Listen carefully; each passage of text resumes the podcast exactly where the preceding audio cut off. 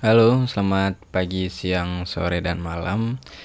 Kembali lagi bersama saya Rindu Arif Fatwa. Cik lah udah kayak ini apa namanya? Podcast apa tuh? Ya itulah pokoknya. Ya eh kembali lagi bersama saya Rindu Arif Fatwa di podcast Sarungan. Kali ini saya pengen ngobrol serius deh sama teman-teman pendengar di sana gitu. Alhamdulillah ya gitu. Podcast ini masih ada yang dengerin gitu. Alhamdulillah barang lima orang sih gitu. Ya berterima kasih banget lah buat teman-teman yang udah yang udah mau dengerin podcastnya per episode sampai sekarang gitu. Atau mungkin juga tiap episodenya ada selalu ada orang-orang baru di tiap episodenya gitu. Jadi selamat datang di podcast Sarungan. Jadi podcast Sarungan ini adalah podcast yang ngebahas tentang dunia pesantren dan santri dibawakan oleh saya Rin dari Fatwa yang kebetulan alumni pesantren uh, dan kebetulan juga senang di bidang apa ya content creation lah gitu. Saya bikin konten tentang santri bukan cuma di podcast tapi saya juga bikin di TikTok di Instagram. Cuma Instagram belum terlalu uh, apa ya sering sih yang lagi sering tekuni sekarang di TikTok aja sama di podcast ini. Kalau di podcast ini saya lagi mencoba untuk untuk apa ya? Untuk uh, istiqomah lah gitu. Untuk uh, ya istiqomah lah saya kan bahasanya lagi. Ya coba lagi mencoba untuk istiqomah dan sekarang masuk ke episode kelima dari Sarungan Show. Ya gitu. kalau di season-season sebelumnya tuh kan season sebelumnya tuh nggak terlalu niat ya gitu. Jadi kadang bolong-bolong gitu loh. Nah sekarang ini udah termasuk yang lumayan nih gitu sampai di minggu kelima itu karena podcast sarungan kan uh, uploadnya tiap minggu kan. Eh bukan tiap minggu sih tiap kemis lah gitu seminggu sekali gitu. Nah untuk kali ini pembahasan kali ini saya pengen bicara bukan bicara saya pengen cerita tentang masa-masa dulu ketika saya masuk pondok gitu. Nah, karena tepat hari ini, hari Kamis, adik saya masuk ke pondok ke pesantren gitu ya. Jadi ya uh, mumpung momentumnya gitu. Adik saya masuk pondok, saya pengen cerita ketika saya dulu masuk pondok. Mungkin kayaknya udah pernah diceritain deh di beberapa episode yang lalu. Tapi mungkin nggak tahu saya lupa di episode berapa gitu. Dia kayak kayaknya sih pernah ya saya pernah saya jelasin gitu. Jadi dulu ketika tahun 2013 saya lulus dari sekolah dasar ya dari SD gitu. Uh, termasuk SD favorit sih di kecamatan gitu. Terus dari 13 dari 13 itu kan saya di SD itu ketemu sama guru agama. Kebetulan guru agamanya punya anak tiga tiga tiganya kelas saya di SD ketika itu dan tiga-tiganya udah masuk ke pesantren semuanya. Di pesantren daerah Madura lah gitu. Yang kemudian di tempat di apa ya ditempati oleh saya lah gitu pesantrennya gitu. Jadi ketika mereka udah jadi anggaplah seniornya saya di pesantren terus ya saya masuk lah gitu. Nah itu tahun 2013 sekitar bulan Juni. Ya kayak bulan-bulan sekarang lah bulan Juni ya gitu. Cuma ketika itu saya masih ingat banget tanggal 11 Juni 2013 saya masuk ke pesantren. Saya daftarin terus ya kacau lah kacau banget pokoknya ketika baru-baru pertama kali masuk ke pesantren tuh kacau banget gitu. Kepikiran sama rumah gitu kepikiran sama apa ya handphone. Tapi handphone ketika itu masih belum merajalela kayak sekarang sih jadi masih aman lah kalau handphone. Kayak laptop aja sih karena dulu masih uh, apa ya apa-apa tuh ke laptop apa-apa buka Google buka modem gitu ke warnet gitu. Dan di pesantren ya udahlah gitulah pokoknya. Nah, awal kali masuk saya datang tanggal 11 lah kira-kira lah ya gitu. Terus pendaftaran segala macem. Dan ketika itu uh, lagi hujan lagi hujan terus pondok tuh banjir. Pondok saya selalu banjir kalau hujannya gede ya gitu. Banjir. Jadi dari tempat pendaftaran tuh di MTS ya gitu. Saya harus check up di kliniknya pondok gitu. Ketika itu ketika zamannya saya daftar tahun 2013 itu uh, check upnya nggak di taruh di satu tempat yang sama di tempat pendaftaran gitu. Tapi jauh dari di kliniknya sendiri gitu. Jadi ya harus jalan ke depan pondok klinik check up itu di hujan-hujan lagi banjir kan gitu. Ya hujannya mulai reda kita ya udah cabut gitu berangkat gitu. Tapi masih banjir terus check up segala macem cek darah ya udah gitu. Baru balik lagi ke pendaftaran untuk nyerahin berkas dari klinik repot sih. Tapi kalau sekarang udah udah tertata rapi lah udah tersusun gitu. Semuanya udah disatuin di tempat pendaftaran yang sama gitu. Nah itu kan cuaca lagi dingin dinginnya ya hujan gitu. Terus banjir lagi anyep lah gitu. Malamnya berangkat ke kamar. Jadi itu siangnya siang sampai sore saya pendaftaran. Malamnya baru berangkat ke kamar baru dianterin ke kamar ke asrama lah gitu.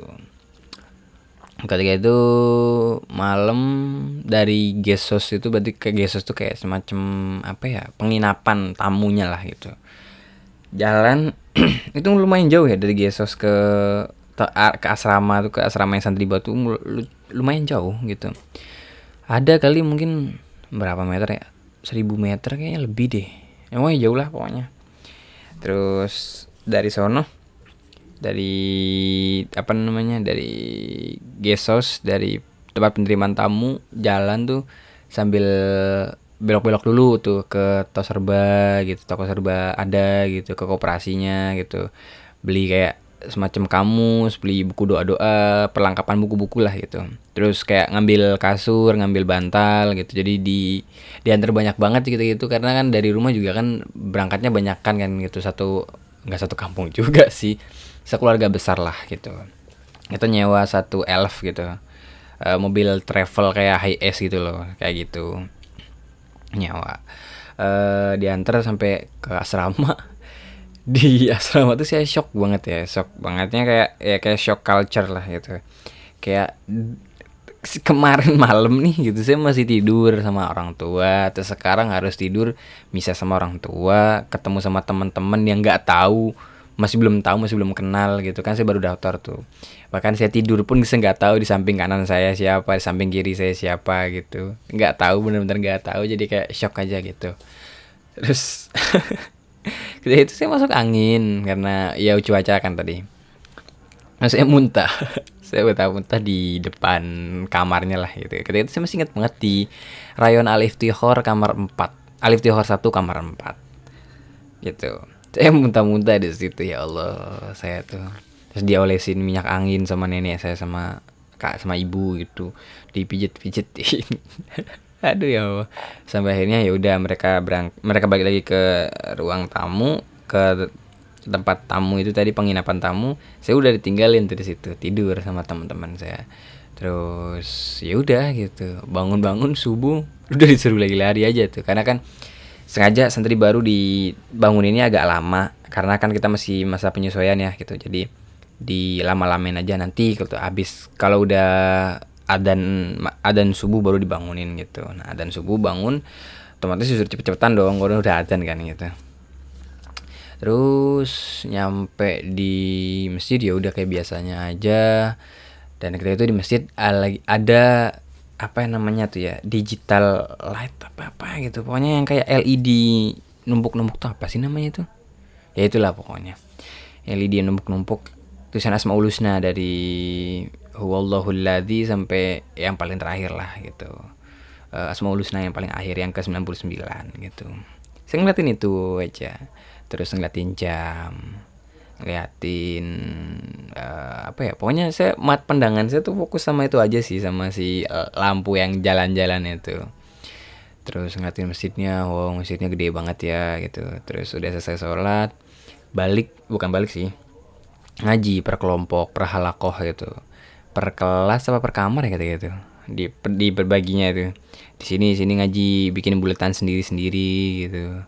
Isinya 10 20 orangan lah gitu, satu buletan gitu saya nggak sadar kalau di situ ternyata ada bapak saya tuh ngeliatin dari pintu utama pintu utama masjid. Ngeliatin aja saya nggak tahu tuh kalau itu bapak saya gitu. Terus ke udah mulai udah selesai kan ya subuh tuh.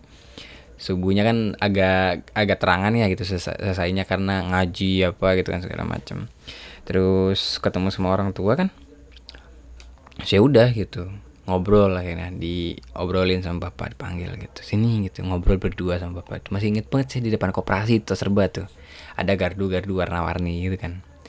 Ngobrol di situ gimana malam pertamanya gimana subuh pertamanya kesan-kesan lah gitu. Ya gitu itu namanya masih kacau ya pikirannya gitu masih ke mana-mana kan gitu. Jadi ya ya agak agak sendu lah gitu ceritanya gitu. Terus bapak saya inget tuh ketika itu dia bilang kalau apa pun masalahnya jangan pernah cerita sama ibu kamu gitu. Ibu kamu itu terlalu rapuh gitu. Maksudnya wanita kan ya gak sekuat gitu ya. Hatinya gak sekuat cowok lah gitu. Gak sekuat kayak bapak saya gitu. Jadi ibu kamu tuh uh, apa ya terlalu rapuh gitu untuk diceritakan masalah-masalah itu gitu. Jadi ya udah kalau kamu ada masalah cerita aja sama bapak gitu. Kita sesama laki-laki nih gitu. Bapak pernah jadi kayak kamu pernah muda gitu kamu juga sekarang lagi masanya dan nanti kamu bakal jadi kayak bapak gitu. Jadi ya udah kita sama laki-laki aja gitu. Iya pak gitu. Sih udah ngobrol-ngobrol sama bapak di situ. Terus ibu sama nenek datang gitu nyamperin gitu. Ya udah gitu. Terus habis itu saya dipanggil sama ustadznya saya kan gitu. Eh, ngasih tahu lah gitu itu ustadz ustadz dari apa ya ustadz titipan lah gitu. Saya nitip ke, ke beliau gitu beliaunya juga sama-sama dari Cirebon lah gitu. Terus uh, udah jam setengah tujuh masuk ke masuk ke kelas kan gitu. Saya udah diburu-buruin tuh ayo cepetan cepetan mandi cepetan mandi. Nah itu momen pertama kali saya mandi. Saya lari dari depan koperasi ke asrama. Dari asrama masuk gerbang tuh saya lari lagi naik tangga kan kamar saya di kamar 4 lantai satu kan ke atas gitu ngambil gayung terus suruh lari suruh cepet-cepetan gitu kan. Terus turun lagi ke bawah ke kamar mandi nyampe di kamar mandi Allahu Akbar gitu kan. Ya namanya santri baru kan gitu masih jorok-jorok lah gitu. Ngeliat ngeliat kamar mandi tuh ya Allah gitu. Dia mendingan sih gak mandi dah gitu.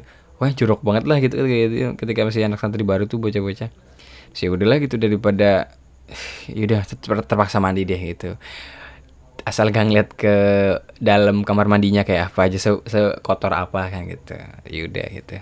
Udah selesai lari lari lagi tuh ke atas. Pakai baju lari lagi ke bawah. Keringetan lagi kan gitu.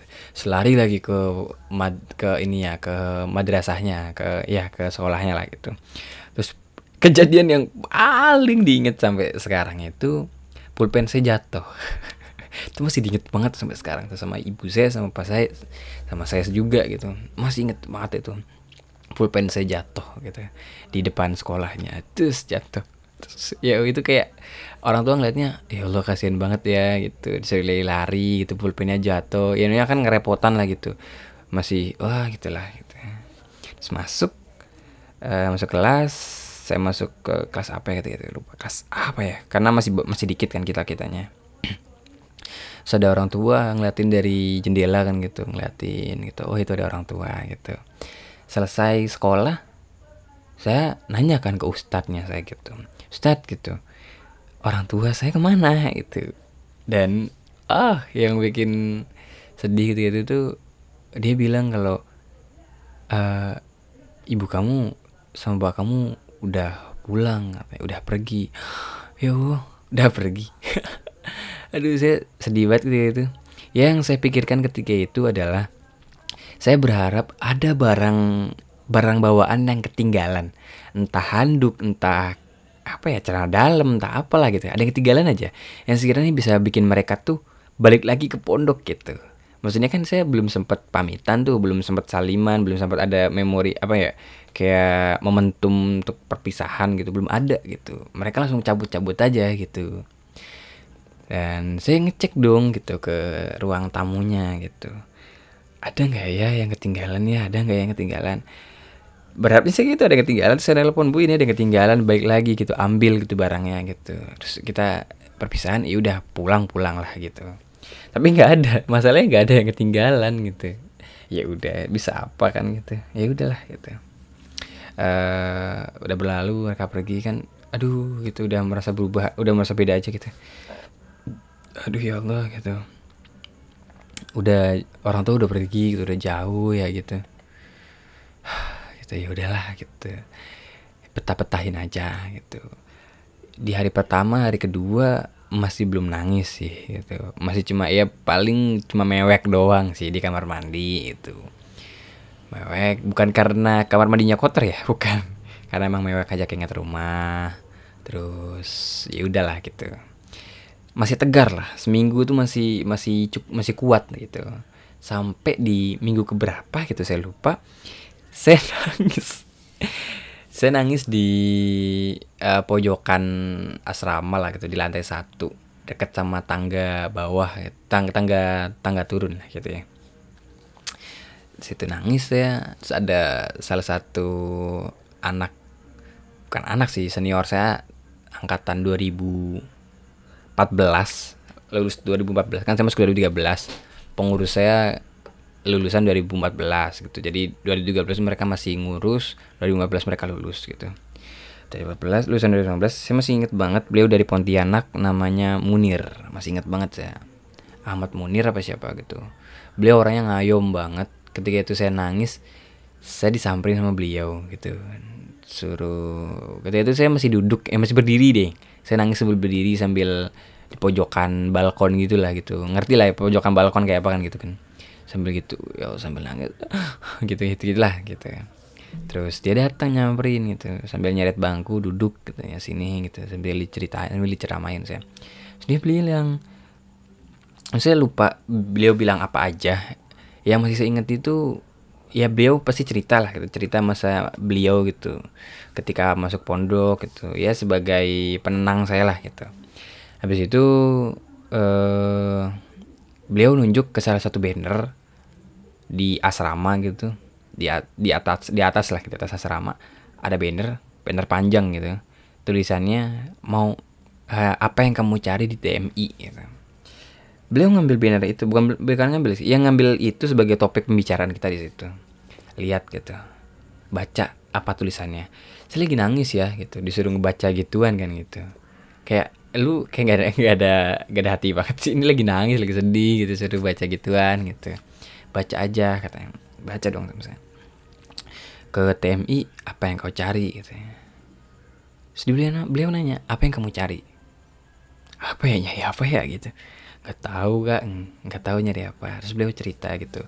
Kamu nyari ini bla bla bla bla saya gak lupa beliau tuh cerita apa. Yang yang tapi yang yang saya ingat itu ya berkesan lah gitu. Omongan beliau itu berkesan ke saya gitu. Oh iya gitu. Ini ya udah gitu. Akhirnya ya udah gitu. Kita ya udahlah gitu. Emang harus kuat gitu. Yang namanya ya gitulah gitu. Jauh dari orang tua harus kuat gitu. Ya udah gitu. Terus habis itu ya udah sih gitu. Saya baik-baik aja gitu. Ngejalani hidup ya ya udah gitu-gitu itu. Uh, baik-baik saja gitu. Ya adaptasi memang sangat sangat uh, melelahkan sih. Adaptasi menurut saya. Apalagi saya yang uh, dulunya nolep banget lah gitu untuk beradaptasi sama orang-orang kayak susah banget itu. Tapi ya udahlah gitu. Atau berji, beriring beriringnya berjalan berjalan seiring berjalannya waktu ya mau nggak mau kita harus ada di titik itu titik ini gitu. Harus bisa beradaptasi gitu. Ya alhamdulillah eh, di hari keberapa saya mondok itu dari kedua tiga apa berapa gitu. Di awal-awal lah gitu masih awal-awal. Di seminggu pertama saya di pondok itu saya udah dapet temen gitu kayak uh, teman saya ketika itu ada Rotip ada Nasirul Haq ada siapa lagi ya? Saya lupa namanya siapa ya? Dipanggilnya Chaplin mulu sih. Soalnya dia juga cabutnya cepet nggak lama itu si Rotip sama si ini tuh adalah namanya Chaplin itu cabutnya cepet gitu. Mereka cuma dua tahun apa kalau nggak salah. Cabut mereka sisa Nasirul. Nasirul tuh sampai lulus sama saya gitu. Dia walaupun saya kenal dari kenal dari awal sama mereka-mereka saya nggak nggak begitu akrab sih ketika udah setahun dua tahun gitu. Karena ya sering berjalan waktu saya menemukan teman-teman baru gitu. Menemukan teman-teman yang kayak oh ini nih yang serak bagi saya teman yang cocok buat saya bermain nih gitu.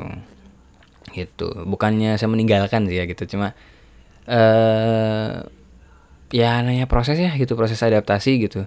Proses adaptasi itu nggak cuma setahun dua tahun sih ketika di pondok itu. Proses adaptasinya ya berjalan enam tahun gitu. Karena setiap tahunnya selalu dapat kejutan-kejutan sih gitu. Tahun pertama kejutannya ini gitu tahun kedua ada kejutan lain yang nggak bisa kita uh, duga ya gitu. Tahun ketiga ada apa tahun keempat ada apa kelima bahkan sampai ke enam pun ada aja gitu kejutan. Karena emang setiap tahunnya selalu berubah gitu kita di uh, awal kita di tahun-tahun awal kita seperti apa kita hari ini uh, masalahnya ya ini dan itu besok akan ada masalah yang lebih-lebih dan ya dan seterusnya gitu loh. Jadi tiap hari nggak mungkin sama gitu ceritanya pasti ada yang beda aja gitu. Tahun ini mungkin ujiannya saya cuma skala ya 10% lah ya gitu.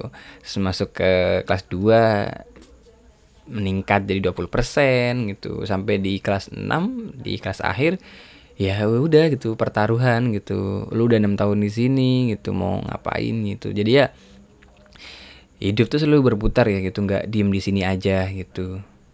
Uh, masalah hari ini nggak akan sama dengan masalah yang kemarin gitu jadi jangan berharap yang penting hari ini selesai. Jangan pernah berharap karena ya esok masih ada yang lebih daripada ini gitu.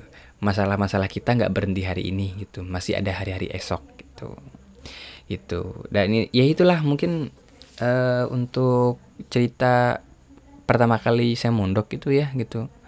Dan adik saya sekarang uh, mungkin ketika ini tayang mungkin ini ketika ini upload di upload ya gitu ya ya udah gitu dia udah masuk pondok kali ya gitu. Itu jadi ya buat mungkin kalau misal ada pendengar yang uh, dulunya pernah nyantri di pondok pesantren Sunan Derajat Lamongan ya salam lah gitu. Adik saya di sana sekarang gitu.